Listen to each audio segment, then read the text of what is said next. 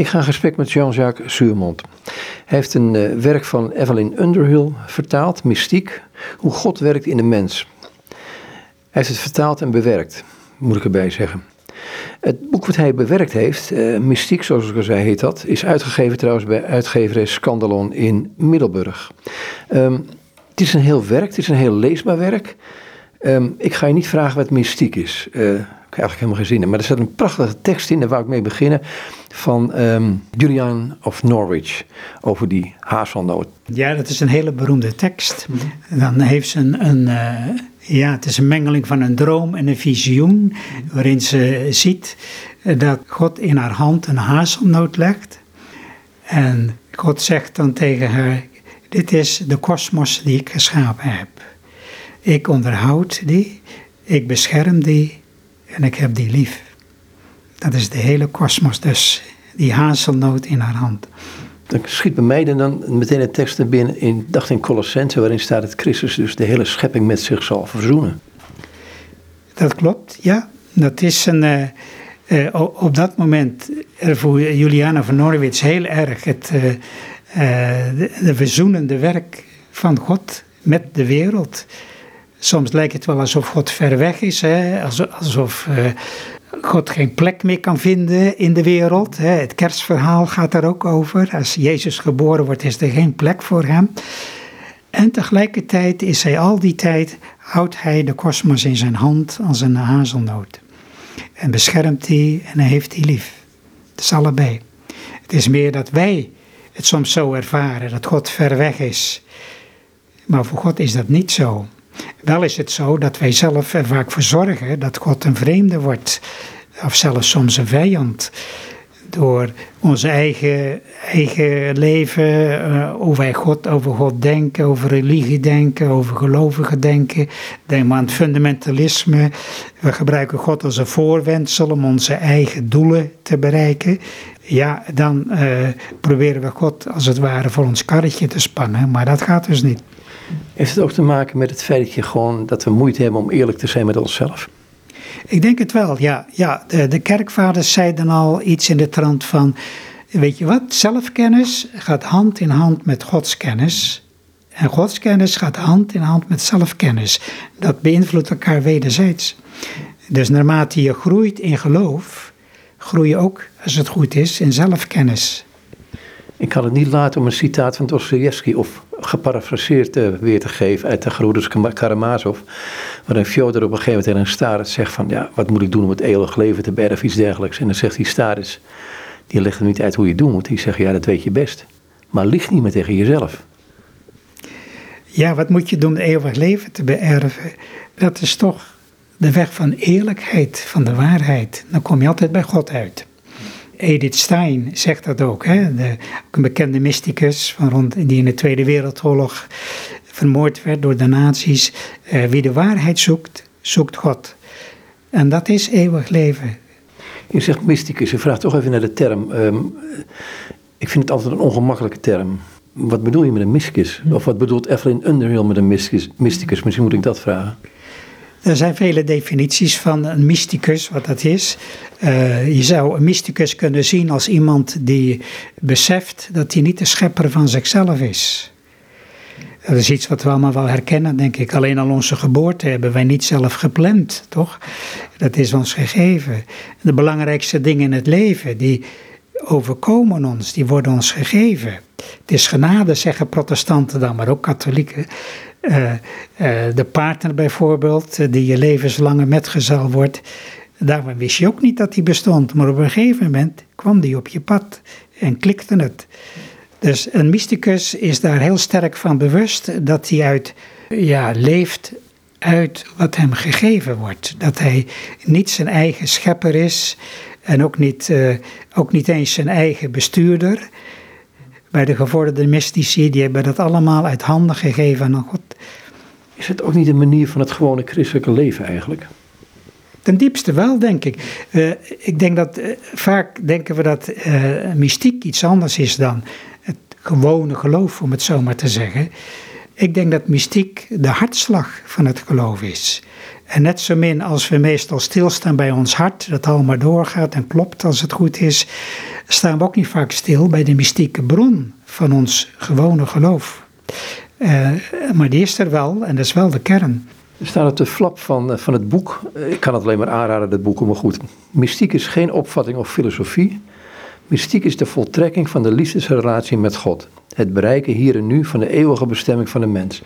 Um, je hebt in, in bepaalde kringen wel zoiets van, ja, het moet van het hoofd naar het hart gaan. Maar dit in die relatie komen, die liefdesrelatie, waar ik bij veel mystici meen te bespeuren. En niet heel mooi weten uit te drukken, die, die relatie tussen mens en, en, en God. Waar ik af en toe jaloers op word. En denk ik, ja, zo, zo zijn verwoorden dingen die je soms voelt in jezelf. Ligt hier de kern van het boek. Ja, ik denk het wel. Dat is wel de kern. Voor Underhill en eh, voor de grote mystici is de, de relatie met God een liefdesrelatie. Waarbij ik er wel bij moet zeggen dat we Gods liefde niet altijd als liefde ervaren. Of herkennen zelfs. Misschien pas veel later als we terugkijken. Ja, en, en die relatie houdt in dat God steeds meer uh, zichzelf wil zijn in ons leven. En dat is de weg naar zelfverwerkelijking. God is de werkelijkheid voor Evelyn Underhill. En hij wil zichzelf steeds meer verwerkelijken in ons. Zodat we steeds meer gaan lijken op hem, als het ware. Net als wat met Jezus is gebeurd. Hoe is het bij haar zo gekomen? Want ik beschrijf het in dit boek, dacht ik, kort. Um, want zij komt ook uit een niet-christelijk milieu of een niet-gelovig achtergrond. Ja, dat klopt. Ja, haar ouders waren Anglikaans, zoals dat uh, fatsoenlijke Britten in die tijd betaamden. Hè. Dan was ze lid van de Anglikaanse kerk. Uh, maar zij zegt van zichzelf dat ze niet godsdienstig is opgevoed. Ze deed er niet veel aan thuis. En ze noemde zichzelf zelfs van uh, een jaar of acht lang een atheïst. Dus ze was duidelijk op zoek. En dat komt omdat ze al jong mystieke belevingen had. Ervaringen van, van de liefde van God eigenlijk. Daar komt het op neer. Dus ze ging op zoek en dat is ook de reden waarom ze dit boek op een gegeven moment heeft geschreven. Ze wilde zichzelf beter gaan verstaan. We hadden het net over zelfkennis. Ja, ze was op zoek naar zelfkennis en daarin ook naar godskennis. En dat, daarom stortte zij zich op de mystici. En dat is een van de, de, de grote bijdragen van het boek. Dat ze de grote mystici eh, sommigen moesten zelfs opgraven uit stoffige archieven, want die waren in haar tijd in vergetelheid geraakt. En, maar zij, eh, zij laat ze aan het woord in het boek en trekt daar op een gegeven moment bepaalde conclusies uit die eh, klassiek zijn geworden. Het heeft mij, mijn, mijn christen zijn altijd ehm, enorm geholpen als ik een Rusbroek las bijvoorbeeld.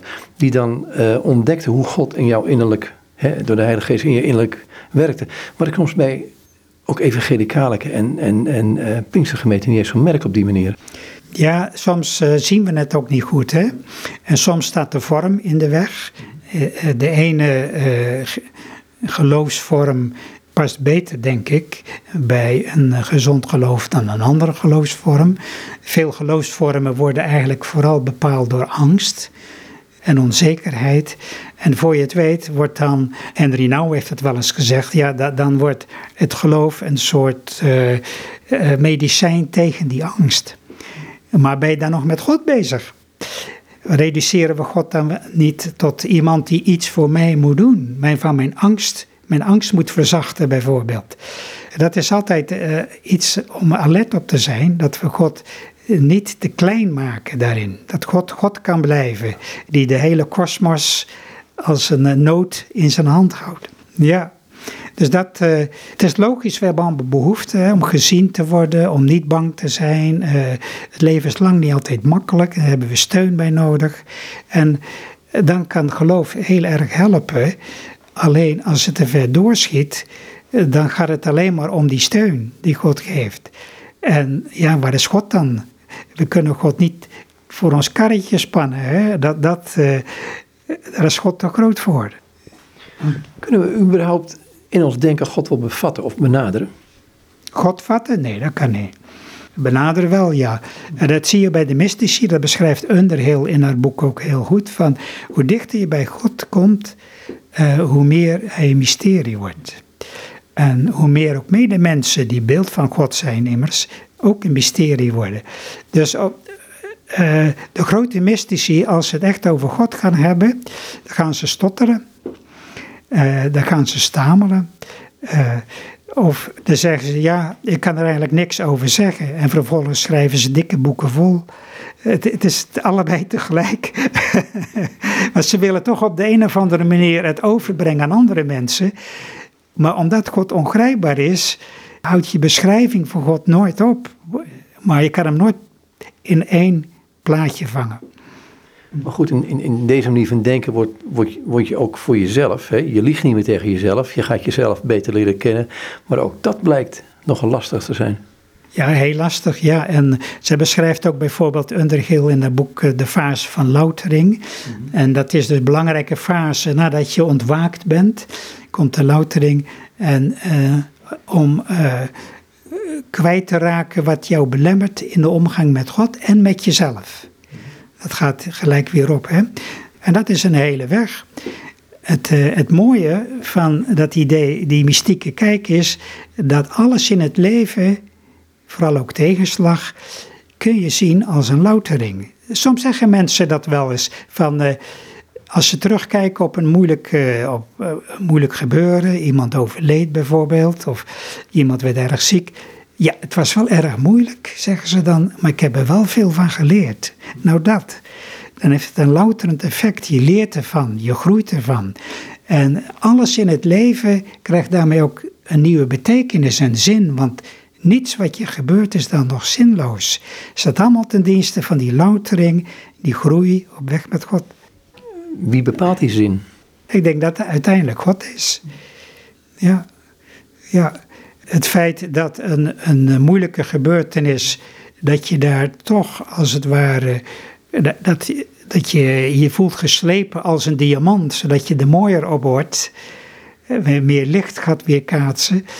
Dat dat gebeurt is niet vanzelfsprekend, want een moeilijke tegenslag, dat weten we ook, kan ook averechts werken.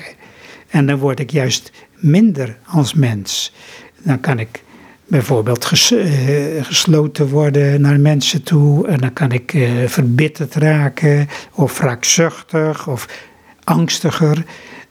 En dan schiet het niet op. Dan is de loutering, dan is er niet meer sprake van loutering, wat wel heel jammer is.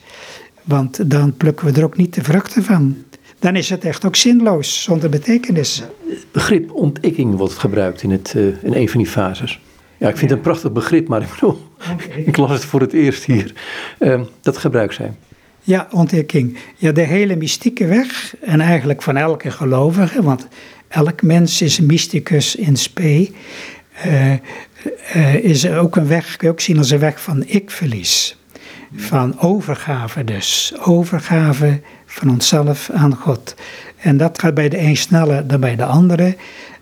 Tegelijkertijd heb je die vreemde paradox die we allemaal wel kennen, eh, dat, dat je het meest jezelf voelt als je jezelf vergeet, jezelf verliest. Denk maar dat je opgaat in een prachtig concert en, en de tijd vliegt. En, pas, en achteraf denk je, ja, ik dacht nergens meer aan, ook niet aan mezelf. Ik ging helemaal daarin op. Of in een mooie mis of kerkdienst, ik ging er helemaal in op. En je voelde je meer jezelf, je was gelukkiger dan ooit. En dat is ook de weg van de mystici, dat dat niet een incidenteel gebeuren meer is, zoals een concert of een uh, natuurervaring, heb je het ook vaak, of in de liefde, maar dat je dat de hele tijd zo beleeft. Dat is de gelukzaligheid, hè? dat is het geluk van God, ervaar je dan. Zij noemt er een aantal fases in. Daar heb ik altijd daar moeite mee, want het lijkt een, chronologisch gebeuren, terwijl het niet altijd zo hoeft te zijn. Nou, ze benadrukt wel dat het uh, alleen voor om het te kunnen beschrijven en aan andere mensen uit te leggen, dat ze dat zo netjes in vijf fasen uitdeelt, uh, indeelt. Misschien kunnen we, kunnen we het ook beter uh, aspecten noemen van de, de weg met God. Want ze komen ook vaak terug, hè? dat laat ze ook zien. Sommige fasen die ze beschrijft eh, bij een persoon, die, eh, die herhalen zich. Of uh, een, een fase die pas in de toekomst ligt, die heeft al eerder plaats. Dus het is niet zo chronologisch als het lijkt, maar dat benadrukt ze ook heel duidelijk. Het is echt, het gaat haar erom, die vijf aspecten komen steeds terug en al die mystici die ze beschrijft van alle tijden en culturen. Er zit soms anderhalf duizend jaar tussen die mystici, moet je nagaan. Maar uit die wirwar van mystieke ervaringen, van ervaringen van God, destilleert ze die vijf aspecten. En daardoor is het boek ook klassiek geworden. Is het een elitair gebeuren? Nee, het is geen elitair eh, gebeuren. Omdat elk mens uh, een mysticus in speus, uh, het vonkje van de ziel heeft, zeggen de mystici. Elk mens heeft het vonkje van de ziel, wat bezieling geeft. Alleen bij de een smeult het, uh, bij de ander laait het op. Hè? En je ziet ook onder mystici, er zijn geleerde mystici zoals een Pascal of een Meister Eckhart, maar ook een ongeletterde bediende als broeder Laurent je komt van alles tegen bij, uh, bij de mystici. Het is niet elitair, totaal niet. Wat je elitair zou kunnen noemen, dat zijn degenen die sowieso al gestudeerd hadden en er op die manier ook over schrijven. Daarom zijn er ook veel en veel meer mystici dan wij weten, want de ongeletterden, ja, die stelden niks op schrift. Of het moesten leerlingen zijn geweest die dat hebben gedaan. Maar daar weten we dus niet van. En er zijn mystici die niet eens wisten dat ze een eh, mysticus waren. Dus eh, ze noemt uh, Louis Christine, een Franse huisvrouw, die mystieke ervaringen had. En totaal verbijsterd was toen ze op een gegeven moment achterkwam. Ze kreeg van haar, haar kreeg ze wat mystieke werkjes te lezen en haar eigen ervaringen daarin herkende. Dat was ook een grote troost voor haar natuurlijk. Zo van, ik ben niet gek. Ja. Ja, dat zijn de gedachten die niet alleen bij de mystici zelf opkwamen, maar ook door de omgeving wel eens op hen, op hen geplakt werden. Dat de omgeving iemand een, mysticus noemde? Nou, niet alleen mysticus, maar ook ehm, grote twijfels hadden bij datgene wat zij verkondigden of wat zij neerschreven. Ja, kijk, in de mystiek gaat het om de, directe relatie met God, zonder iets ertussenin. Dus geen predikant, geen priester, geen theologie, geen sacramenten zelfs. Uh, en, en dat is heel direct, uh, waardoor de theologie soms bijvoorbeeld wordt gerelativeerd in de ogen van de omgeving. En die kunnen dat bedreigend vinden. Er zijn nogal wat mystici ook, die zijn vervolgd door de kerk. Om die reden. Omdat ze ook niet in een vakje, een theologisch vakje passen. Ze, ze hebben iets universeels. En hoe komt dat? Omdat ze in direct contact met God staan, via dat vonkje van de ziel. En God is universeel. Hij is degene die de hele kosmos in zijn hand houdt, als een hazelnoot. Dus dat universele, dat stralen die mystici dan ook uit. En dat wordt soms bedreigend gevonden, vooral als de kerk als het in de tijd is dat de kerk heel erg op de leer zit, de juiste leer. Ja. Ik hoorde dit, en misschien is het een zijstraatje om, maar um, ik heb het al eerder gezegd in het programma. Ik ken iemand in, in, in, die was voorganger van een Église Réformée in Frankrijk. Hij zegt ja, dat, we zijn protestants in een katholieke setting. Uh, op een gegeven moment komt er een jongen binnen, die was tot bekering gekomen. Helemaal vol van de Heer, zeggen ze dan in het evangelisch uh, jargon. En we wisten er geen raad mee. Hij wist er geen raad mee omdat hij niet protestants was. Nee, nee, nee, nee, nee, daar ging het niet om. Het ging om dat hij vol leven kwam. En hebben wij het dan niet goed gedaan? Hij, hij, het, was alsof er een vreemdkurper binnenkwam.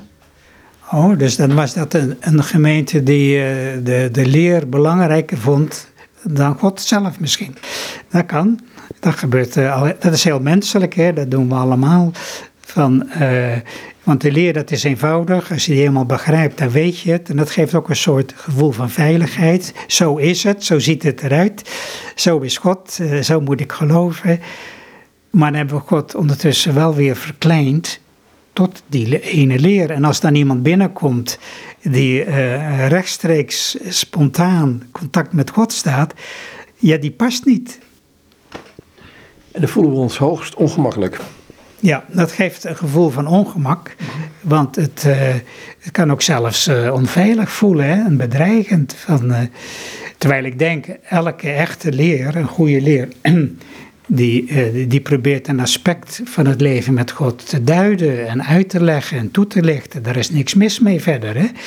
Om het aan de mensen door te geven ook. En ook voor jezelf van duidelijkheid te krijgen.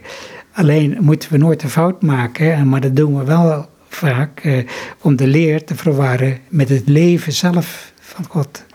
Wat zijn die vijf aspecten die zij noemt in dit boek? Uh, zij noemt uh, het aspect ontwaken. Nou, dat is duidelijk, dat staat aan het begin. Hè. Dat, uh, vaak wordt dat omkeer of bekering genoemd, maar niet in theologische zin. Dat je ineens bepaalde theologische leerstellingen gaat beamen of zo. Dat kan later komen. Maar eh, ontwaken is ten diepste echt uh, een besef krijgen van het, dat vonkje van de ziel in je, dat contact met God. En daarna komt de loutering, waar we het net over hebben gehad. Dus de, een, een, een soort.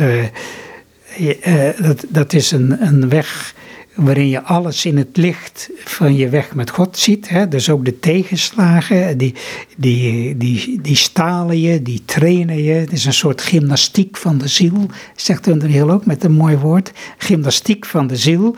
Alles, uh, kijk, als je moet trainen en joggen om in conditie te blijven, dat kost ook veel moeite. Hè?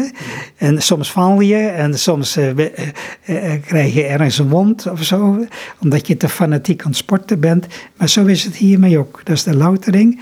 Dan de verlichting. Eh, de verlichting, ja, dan gaat je letterlijk een licht op.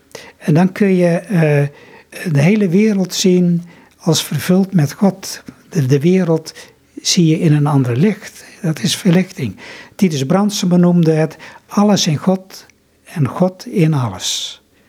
Dat is heel beknopt eh, uitgedrukt. Maar die verlichting kent ook ieder mens die broedt op een probleem en ineens uh, nog op een ochtend wakker wordt en we, ik heb het. Ik zie het licht. ja, dat is ook een aspect van die verlichting. Alle creativiteit komt, is een verlichtingservaring.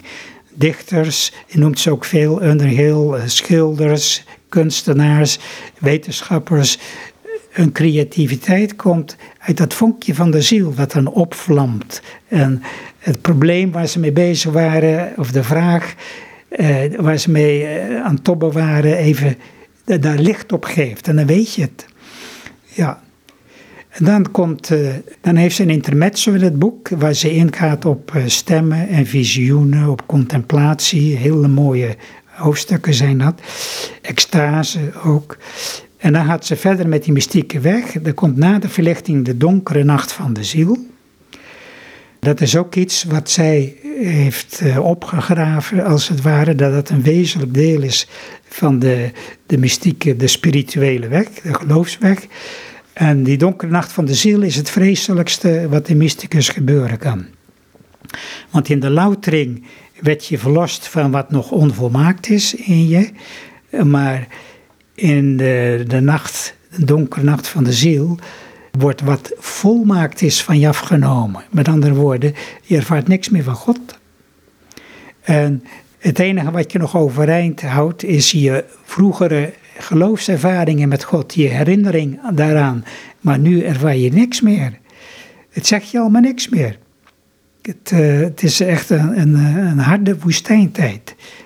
Dat je helemaal droog loopt ook. En, en, en uh, terwijl ze ten diepste wel weten, maar er niks meer bij voelen dat het goed is wat er gebeurt, dat het God is wat er gebeurt. Alleen, het doet ze verder niks. Ze, ze, voelen er niks meer bij, ze ervaren er niks meer. En dat is precies het punt. In de donkere nacht van de ziel worden we verlost van onze, eh, van onze wens om God te ervaren. Want zolang we God willen ervaren, moet hij nog iets voor ons doen wordt hij nog een beetje verlengstuk van onszelf, van onze eigen behoeften. En, en dat is een ingrijpend gebeuren. Dat is totaal ik-verlies. Ja, Etty Hillesum zegt het ook ergens. Ja, ik heb ontdekt dat jij ons niet kunt helpen, God. Maar wij moeten jou helpen. Midden in de nazi-tijd, in de Tweede Wereldoorlog. Dat is die omkeer. Hè? God kan niets meer voor ons betekenen wat wij nodig hebben. Maar wij kunnen wel meer dan nooit iets voor God betekenen. En daardoor komen we ook tot zelfverwerkelijking. Als leerling, als uh, geliefde van God. Dan komt de laatste fase nog, en dat is de eenheid met de ene, eenheid met God. De oude theologie noemt dat onbekommerd uh, de vergoddelijking van de mens. Wat we in Jezus ook zien, uh, God kan zich zo, alles is zo opgeruimd in ons door al die fasen van de mystieke weg, dat God zich helemaal in ons kan verwezenlijken binnen de grenzen van het feit dat we een schepsel zijn, hè, met onze beperkingen. Ja, en dan zie je ook dat uh, mystici uh, powerhouse worden, hè, een enorme uh, bron van kracht en energie voor de wereld, voor de cultuur. Zetten kloosterorders op of runnen de Verenigde Naties, zoals Dag Hammarskjöld deed. Of kijken de dood in ogen en gaan daar, dwars daardoorheen medejoden helpen, zoals Etty Hillesum deed in Westerbork. het Florence Nightingale, die vond de zorg uit, de moderne zorg. Ja, maar met een enorme energie. Dat is niet te geloven soms wat ze allemaal van elkaar kregen. Het is ook van moeder Therese van Calcutta bekend. Hè? Heeft hij die ontmoeting met, met, met die opdracht van Christus gehad. Dat is, dat is hemelhoog. En de rest van haar leven heeft ze eigenlijk alleen uit liefde voor hem de dingen gedaan die ze gedaan heeft. Dat klopt, ja. Ze vond, uh, uh, ze vond haar roeping in Calcutta, hè, toen ze oudere armen op straat uh, zag liggen sterven. En niemand, iedereen liep eraan voorbij. En toen wist ze, dit is het werk wat ik moet doen. En dat heeft ze ook altijd gedaan. En het mooie is, uh, met verlichte ogen hè, zag ze Christus in hen. Dat heeft ze vaak herhaald. Ze zag Christus in. Door hen te helpen, helpen Christus. Eigenlijk net wat Etty Hillesum ook zei. Wij helpen God, ja. Als je Etty Hillesum zegt, dan moet ik aan haar dagboek denken. En het stuk waarin ze knielt in de badkamer. Ik kan het bijna niet lezen, zo intiem is dat. Ja, het is ook heel intiem. Intiemer kan haast niet.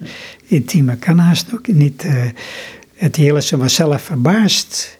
Ze noemde zichzelf uh, het meisje dat niet knielen kon. Maar toch lag ze op de knie op een gegeven moment op de kokosmat in de badkamer. Ja. Is, is, dat, is dat die intimiteit die God ons schenkt? Ik denk het wel. Dan betreed je de ruimte van de, de relatie met God. Hè. En intiemer kan niet. Hij is, dan, dan is hij dichter nabij dan ons eigen hart, zou Augustinus zeggen. Maar dat is, dat is, een enorme. Ja, we zeggen het wel vaak, dit is het opmerken, want die hoor ik wel vaak. Maar het is in wezen de meest uh, mooie vertroosting die er is, natuurlijk. Ja, als je die, die, die binnenkant van de relatie met God echt beleeft dan uh, geeft dat ja, troost, uh, bemoediging, dan, dan, dan kun je niet meer stuk als het ware. Hè. Vandaar dat mystici soms uh, enorm moedige dingen doen, met levensgevaar vaak. Zoals Jetty Hillesum bijvoorbeeld. En, maar dat is dan ook geen punt meer, want er is geen angst meer. Je bent zo vol van God, dat is als het ware God zelf door jou heen leeft en werkt. Een van de uitspraken die ik in de middeleeuwen wel tegenkwam, is bij, uh, ik dacht Harewig een van was, is dat, dat die begrippen van gebruiken en gebreken. Dus je, je, je geniet van God en hij, het lijkt alsof je zich terugtrekt en hij laat je in gebreken achter. Hè, met, met, maar hij komt ook weer terug. Je geniet van God en hij trekt zich eh, terug omdat je in gebreken bent? Is dat je... Nee, het is zo'n zo'n zo'n zo vloeiende beweging, uh, noemt een van de mystici, Marie Petit, dacht ik het. Een, een ebbende beweging. Hij komt en hij gaat, hij komt en hij gaat. Ja, dat klopt. Ja, dat, uh, dat is in een fase van eenwording niet meer zo. Dan is die er. Uh, maar daarvoor heb je dat heel vaak, hè, dat kennen, we, kennen de meeste gelovigen sowieso al wel, hè, dat God soms dichterbij voelt en soms ver af. Uh, die, die, uh, de mystici hebben daar een mooi woord voor, die noemen dat het spel van de liefde dat God met ons speelt. Alsof hij verstoppertje speelt. Dan duikt hij weer op en dan is hij weer weg en dan zijn we weer geneigd om te gaan zoeken. Ja, ja. Misschien kun je een stukje voorlezen van Henry Suizen, uh, maar ook wat ertoe leidde. Want het, het lijkt alsof iemand um, een mooi christen is en de ene denkt, maar wat, wat is hier aan de hand? Er zijn van die onbegrijpelijke dingen. Ja, hij was al jaren kloosterling. Hij was al heel vroeg ingetreden, zoals dat wel vaker gebeurde. En uh, dan krijgt hij een, uh, een visioen. Uh, dit is alweer ietsje later, dit visioen trouwens. Op een nacht na de metten, terwijl de dienaar, dat is Zeus zelf, hij noemt zichzelf de dienaar, diep in gedachten verzonken in zijn stoel zat, raakte hij buiten zinnen. Hij zag in een visioen, zo leek het, een schitterende jonge man uit de hemel voor hem staan. Die zei: Jij bent lang genoeg op de lagere school geweest en hebt daar je best gedaan. Kom met mij mee en ik zal je naar de hoogste school brengen die er in deze wereld bestaat. Daar zul je toeleggen op de wetenschap die je de ware vrede van God zal leren en je heilige begin tot een gelukkig einde zal brengen. Uitgelaten stond de dienaar op en de jonge man, zo leek het, nam hem bij de hand en leidde hem naar een spiritueel land. Daar stond een mooi huis waarin spirituele mensen wonen. Ze legden zich toe op de studie van die wetenschap. Bij zijn binnenkomst ontvingen ze de dienaar vriendelijk en begroeten hem. Direct gingen ze naar de verheven meester om te vertellen dat er een man gekomen was die zijn leerling wilde worden, om zijn wetenschap te bestuderen. Die zei: Laat hem hier komen, zodat ik kan zien of hij mij bevalt.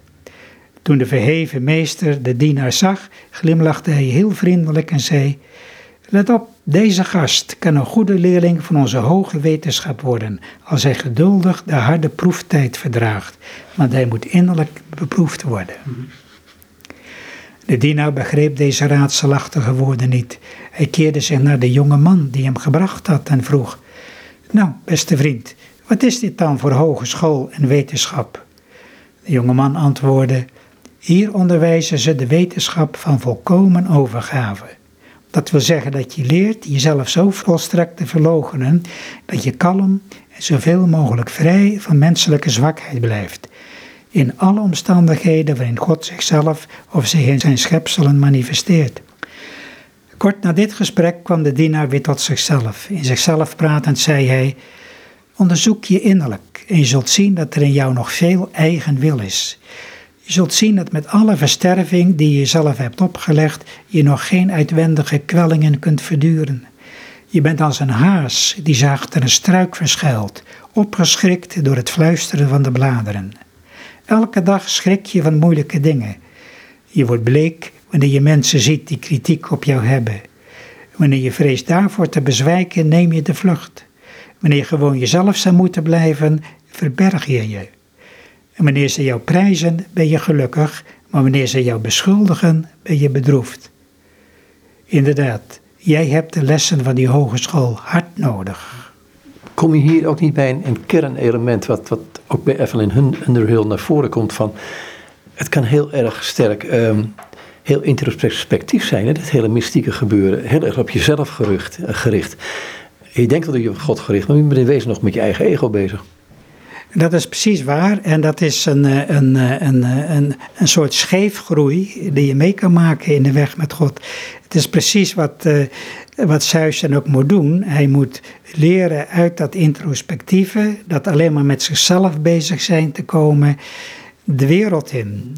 En, en in het vervolg van dit stuk, het is een van de mooiste eh, beschrijvingen van de weg van de mysticus, eh, denk ik, die Underhill hier, uh, hier, hier beschrijft. In vervolg moet je dus ook veel beproevingen doorstaan om met die vaak harde wereld, want hij was een hele gevoelige ziel, hè? Hij, en, en ook wel een beetje banger, maar om met die harde wereld te leren omgaan. En uh, beleeft dan allerlei avonturen die hij heel erg moeilijk vindt soms. Om uh, inderdaad van die eenzijdigheid, dat hij alleen maar met zichzelf bezig was, los te komen. En uh, een man gods in de wereld te worden. Dus we wezen niet meer bezig zijn met ik wil een goed christen zijn, maar ehm, ja, wat dan hè? Daar ben je helemaal niet mee bezig. Dat is het mooie als je ik verloren hebt. Ik wil een goed christen. Er is geen ik. Dus ook geen wil om dat, dat hele projectendenken, waar we onszelf uh, soms zo druk om maken en van wakker liggen zelfs. Van ik moet dit, ik moet dat, ik moet zus goed doen, ik moet dat goed doen. Dat valt dan weg. Je bent vrij. Misschien kun je straks het vervolg ook van uh, Henry Seuys lezen. Uh, maar ik moet denken aan Frère Laurent, die op een gegeven moment zei van ja, op een gegeven moment dan faal je en dan sta je op, dan zeg je dat misschien tegen God en dan loop je weer verder. Terwijl vaak um, als mensen iets verkeerd of gezondigd hebben, uh, toch het idee hebben dat ze als christenen gefaald hebben. Oh ja, ja, ja. Nou, dan moet ik denken aan Nelson Mandela. Die zei eens: uh, Soms heb ik succes en soms leer ik. Dus gebruikt het woord falen niet eens, dan heeft hij wel gefaald. Maar daar leren we juist van, hè? ook als christen. Ik moet bij Frère Laurent of broeder Laurentius altijd denken aan het gemak waarmee hij weer bij God komt. Hij zei: Ja, maak je druk om. Dat is waar, ja. ja en was uh, en, uh, heel eenvoudig in die zin. Hè? Het, ik noemde hem al dat hij had geen scholing gehad of wat dan ook. Hij was puur van het land, een analfabeet en ook onhandig. hij werkte als bediende, hij liet allerlei borden uit zijn, zijn hand vallen. heel onhandige jongen. maar hij, hij, hij, had wel de, ja, zijn eenvoud hielp hem ook om als het ware dichter bij dat vonkje van de ziel te blijven, bij God, de werking van God in zijn leven. En dan is alles eenvoudig. Ja. Wat zijn wij dan moeilijk? Ja, wij maken het moeilijk. Ja, ja. Nee, maar dat, dat is op alle gebied belangrijk. Hè. De, de waarheid is eenvoudig. Wij maken het ingewikkeld en dat heeft te maken met uh, onze gedachtenmolen die maar doorgaat. Uh, het, uh, het, wiel van de verbeelding noemt Underhill dat. Hey, je verbeeldt je allerlei dingen en dan worden we alleen maar angstiger of gaan we nog meer twijfelen dan we al deden. Ja, dat doen wij zelf. Ik heb ons het woordje heilige onverschilligheid gehoord bij Mississippi. Ja, Onverschilligheid. Ja, dat is het toppunt van eenvoud. Ik bedoel ze niet mee onverschillig in de zin van het kan je niks meer schelen. Uh, maar onverschillig in de zin van ze hebben lief. Onverschillig of ze daarvoor beloond worden of niet. Underhill citeert ook uh, een, een man die, uh, die wordt gevraagd van... Ja, maar als God je in de hel zou werpen, wat dan? Oh, dan zou ik eh, God, eh, God nog steeds lief hebben, hoe dan ook. Maar ik zou wel mijn rechterarm om hem heen slaan en hem meenemen de hel in, want zonder God wil ik niet. Is orthodoxie niet, hè? Oosterse orthodoxie. ja, ja, de Oosterse orthodoxie heeft de, de mystieke ader van het geloof veel meer bewaard dan het Westen. Zou je het vervolg kunnen lezen van, uh, want je zegt, ze gaat dan magistraal mooi in. Uh, zij citeert uh, Henry Suis op een magistraal mooie manier. Ja, weinig passages in de geschiedenis van de mystiek raken je meer dan die ene die vertelt over een buitengewone beproeving die de dienaar, dus Heinrich Suis, uh, verduren moest. Want er was een kwaadwillende vrouw die hem ervan beschuldigde dat hij de vader van haar kind was en verwoestte zijn reputatie. Uh, tussen haakjes, hij was natuurlijk een monnik en een belangrijke geestelijke leider in de kring van de meester Eckhart. En gaat het verder, wat het schandaal groter maakte, is dat het gerucht van de heiligheid van die broeder zo ver verbreid was, inderdaad. Suizen voelde zich door deze laster verpletterd, gewond tot het diepst van zijn hart. Heer, Heer, riep hij uit, Elke dag heb ik jouw heilige naam op vele plaatsen aanbeden en gezorgd dat hij door velen geliefd en geëerd werd. En nu haal jij mijn naam door het slijk. Op het hoogtepunt van het schandaal zocht een vrouw uit de buurt hem in het geheim op. Ze bood aan om het kind dat de oorzaak van de roddel was te doden, zodat het schandaal snel vergeten zou worden en zijn reputatie hersteld. Tenzij de baby op de een of andere manier zou verdwijnen, voegde ze toe, zou hij zeker door de publieke opinie gedwongen worden om het aanvaarden en voor zijn opvoeding te zorgen. Kreunend onder de minachting van de hele buurt en het onwaarschijnlijk instorten van al zijn werk, besefte Suisse dat deze laster over de leider van de Vrienden van God, dat was een kring, in, uh, geïnspireerd door Eckhart, dat die de reputatie van die groep geest, uh, geestelijken ernstig zou schaden.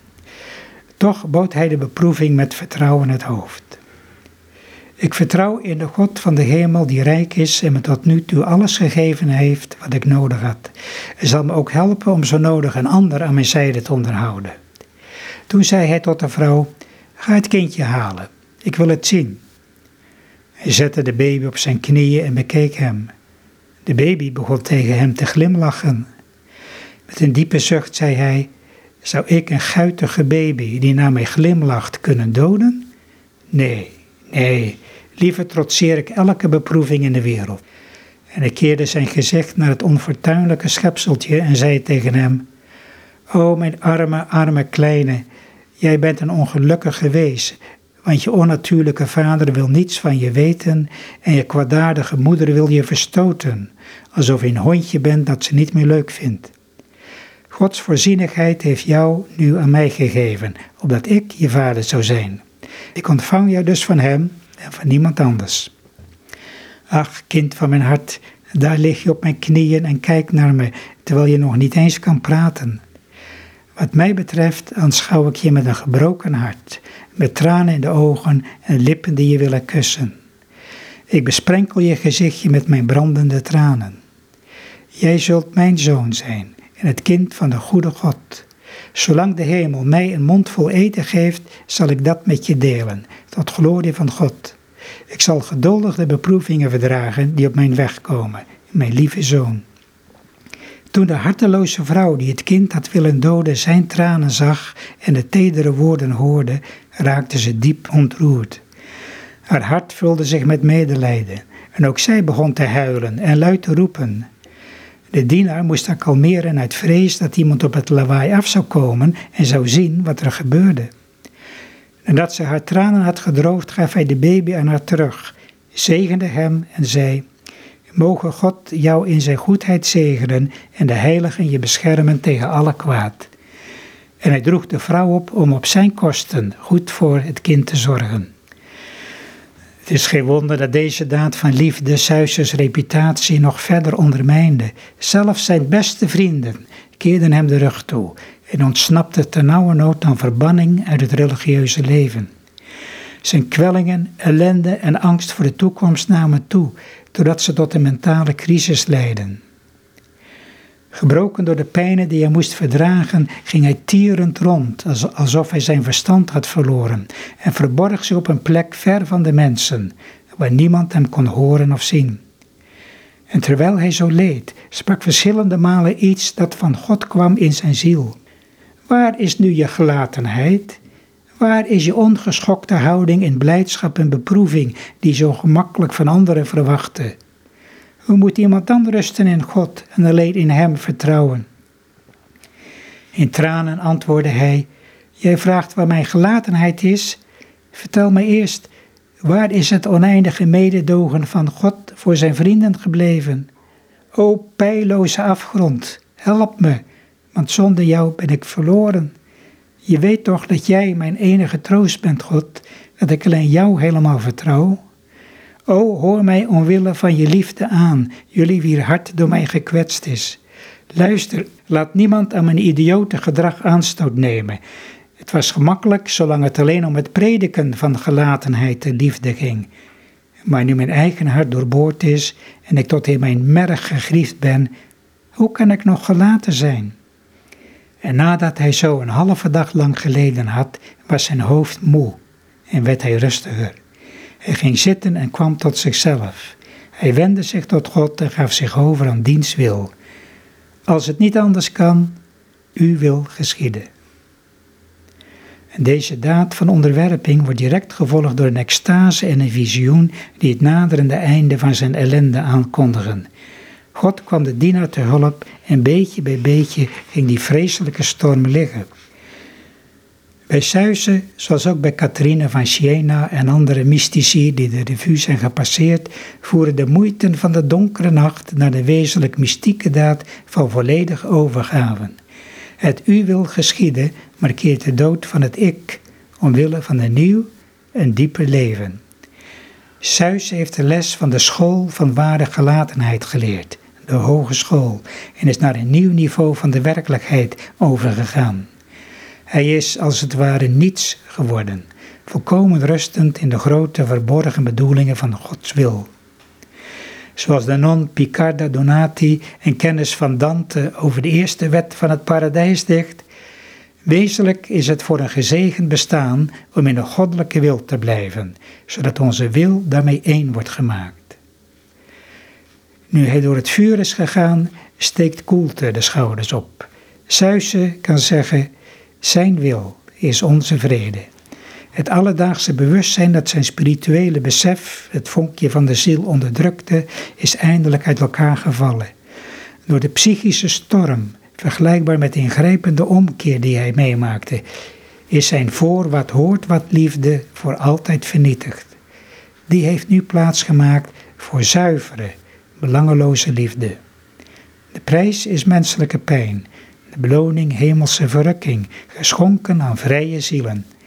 De pijn kunnen we onderzoeken, maar de aard van die vreugde gaat ons te boven. Evenals bij Christus, het absolute symbool van het mystieke leven, zien we wel het kruis scherp, maar kunnen we slechts gissen naar het opstandingsleven. Is dit in Christus zijn? Ja, dit is in Christus zijn, ja. Ja. Dan is alles goed. Ik verlies is wat uh, apostel Paulus ook verwoordt als hij zegt, niet ik leef, maar Christus in mij. Dus zijn ik is weg, dat leeft niet meer, maar Christus leeft in hem. Dat klopt, het is een soort omkeer. Uh, of een, ruil kun je zeggen, een hemelse ruil. Ik, geef ik geef mijn ik aan God en hij geeft zichzelf aan mij. En dan blijft Paulus Paulus. Dat vind ik het grote wonder van dit hele gebeuren. Ja, je wordt zelfs meer jezelf, meer dan ooit. Dat is de zelfverwerkelijking. Hè? En, dan kun je ook soms onvermoede talenten ook bij jezelf ontdekken. Een uh, nieuwe weg inslaan, zo nodig, ja. Ik heb de indruk dat je met veel plezier in dit werk vertaald hebt, aan dit werk gewerkt hebt. Ja, dat heb ik ook gedaan, ja. Ik, het, uh, ik liep al jaren en jaren rond met, met het idee van het zou toch heel goed zijn als dit boek in het Nederlands beschikbaar werd, want het is nooit eerder vertaald. Maar ik had er nooit tijd voor, totdat twee jaar geleden eh, de lockdown losbarstte, de corona-epidemie.